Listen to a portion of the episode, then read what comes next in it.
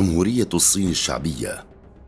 أحد أكثر الحروب دموية في التاريخ الحديث حرب استمرت لمدة عشرين عاما رسمت فيها الصين تاريخها الحديث والمعاصر. والمرعب في الأمر أن الحرب كانت أهلية بامتياز مع بعض التدخلات الخارجية التي كان من شأنها مساعدة طرف على آخر. الحرب الأهلية الصينية ونهاية الإمبراطور. الإمبراطور بوي كان آخر الأباطرة الصينيين حيث تم خلعه من عرشه بعد ثورة عام 1911 لكن قصته غريبة ومميزة فقد سمح له العيش في قصره مع خدمه وحاشيته لكنه غادر القصر في عمر الثمانية عشر. وفي وقتها قرر الرجل مغادرة الصين نحو اليابان لكنه وقع في قبضة القوات السوفيتية هناك وتم إرساله إلى سيبيريا ليقضي هناك مدة خمس سنوات. بعد هذا تسلمته السلطات الصينية وسجنته في مركز إصلاحي لمدة تسع سنوات ثم عفت عنه لأنه أصبح مواطنا شيوعيا صالحا وأصبح بعدها وللدهشة مساعد عامل حدائق في إحدى الحدائق القريبة من قصره. عموما بعد أن انتهى حكم الإمبراطور سابق الذكر وخلال حكم الجمهورية الجديدة اندلعت خلافات حادة بين النخبة السياسية الصينية وكان الخلاف حول كيفية طريقة الحكم فكان الرئيس الصيني في وقتها يوان شكاي يريد إعادة الملكية حتى أنه نصب نفسه إمبراطورا لكن هذا الأمر لم يعجب الكثيرين. فظهر أمراء حرب تصارعوا على السلطة في مختلف مقاطعات الصين.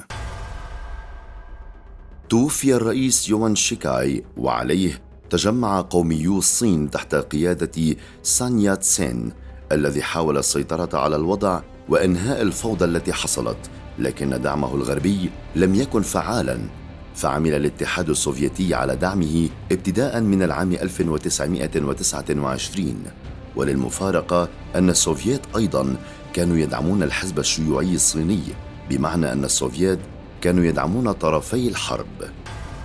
توفي سانيا تسين عام 1925 وهذه الوفاة تسببت في حصول انشقاق بين صفوف الحزب القومي بين اليساريين والقوميين. فاستطاع القيادي شيانغ كي تشيغ قيادة العناصر اليمينية وانشق اليساريون باتجاه الحزب الشيوعي.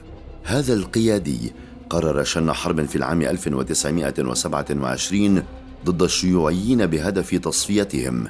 فشهدت الأشهر الأولى من الصراع هزيمة الشيوعيين في معظم معاقلهم وليس هذا فحسب بل حصلت أحد أكبر المذابح المروعة وقتها.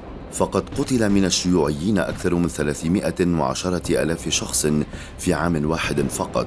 ونعم كانت السنوات الأولى من هذه الحرب قاسية جدا على الشيوعيين. لكن مع هذا استطاعوا فرض سيطرتهم على بعض المناطق هذا الأمر استدعى طلب الدعم من الاتحاد السوفيتي فتمكن الشيوعيون من إنشاء حكومة مستقلة عن البلاد وأعلنوا جمهورية الصين السوفيتية وكان هذا في العام 1931 هذه الجمهورية الصغيرة شنت أعمال عنف كثيرة فمن ناهض الفكر الشيوعي أو حاول الفرار كان يقتل بوحشية كما أنها قامت بأعمال مصادرة قسرية وسجنت الكثير من الناس وراحت ضحية هذا الأمر نحو 700 ألف شخص إلى أن أطاح بهم القوميون. تعرض المنسحبون من الشيوعيين لهجمات عنيفة ومستمرة وبعد سلسلة من المعارك تم القضاء عليهم تماما.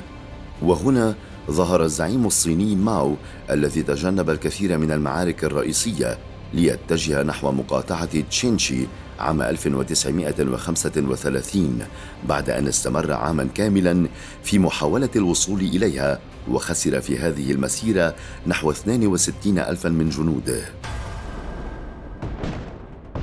بعد نحو سنتين فقط اندلعت الحرب الصينية اليابانية والتي يمكن اعتبارها طوق النجاة لماو وللحزب الشيوعي الصيني بسبب أن القوميين الصينيين كانوا في موقف حرج جدا بسبب التفوق الياباني وهذا الأمر أدى إلى الاعتراف بقوات ماو كجيش شرعي بهدف مقاومة اليابانيين وتم الإقرار بعملهم تحت قيادة مستقلة. وفي أيلول من العام نفسه أعلن عن تشكيل جبهة موحدة اعترفت بالحزب الشيوعي وسيطرته على بعض المناطق وهذا الأمر سهل في وقت لاحق سيطرته على البلاد. ولكن هذا الأمر كان قد ترك لمناقشته لاحقا بعد الحرب اليابانية عن طريق لجنة تضم كلا الحزبين. بقي القوميون والشيوعيون يحاربون اليابان جنبا إلى جنب مدة ثمان سنوات وخلال هذه الفترة عزز ماو موقعه كزعيم واحد للحزب الشيوعي عن طريق تطهير الحزب من المعارضين الذين وصل عددهم للعشرة آلاف وجميعهم ماتوا بطرق وحشية خاصة بعد اتهامهم بالجاسوسية للقوميين أو للجيش الياباني. انتهت الحرب العالمية الثانية وهزمت اليابان على كافة جبهاتها وقرر الصينيون أنه قد حان الوقت لتشكيل حكومة موحدة بين الشيوعيين والقوميين حتى أن الولايات المتحدة قررت التدخل بواسطة لتشكيل الحكومة لكن هذا الأمر لم يكن شبيها بالأحلام الوردية. فالكثير من المناوشات حصلت بين الطرفين حتى عادت الحرب الأهلية مرة أخرى فشن الحزب الشيوعي حملة شرسة ضد ملاك الأراضي والأغنياء وتم تقسيم السكان إلى طبقات في مناطق سيطرتهم. بحلول العام 1947 أصبح القمع الشيوعي أكثر عدوانية كانت المجازر مروعة حيث حاول القوميون مقاومة هذا التمدد الشيوعي الكبير وبدأت حرب العصابات ضد الشيوعيين. احتل القوميون معظم مناطق منشوريا الصينية لكن الحزب الشيوعي قام بإخراجهم من معظم المناطق حتى تم طردهم من جميع مناطق منشوريا ولم يبق لهم سوى القليل من المعاقل. النهاية. في مايو أيار من العام 1948 حاصر الشيوعيون آخر معاقل القوميين في مقاطعة تشانغ تشون فوقعت مجاعة تعد من أكبر المجاعات في تاريخ الحروب فوصل عدد ضحاياها إلى المئة وستين ألف حتى استسلم القوميون في ذات العام وهزموا مرة واحدة وإلى الأبد.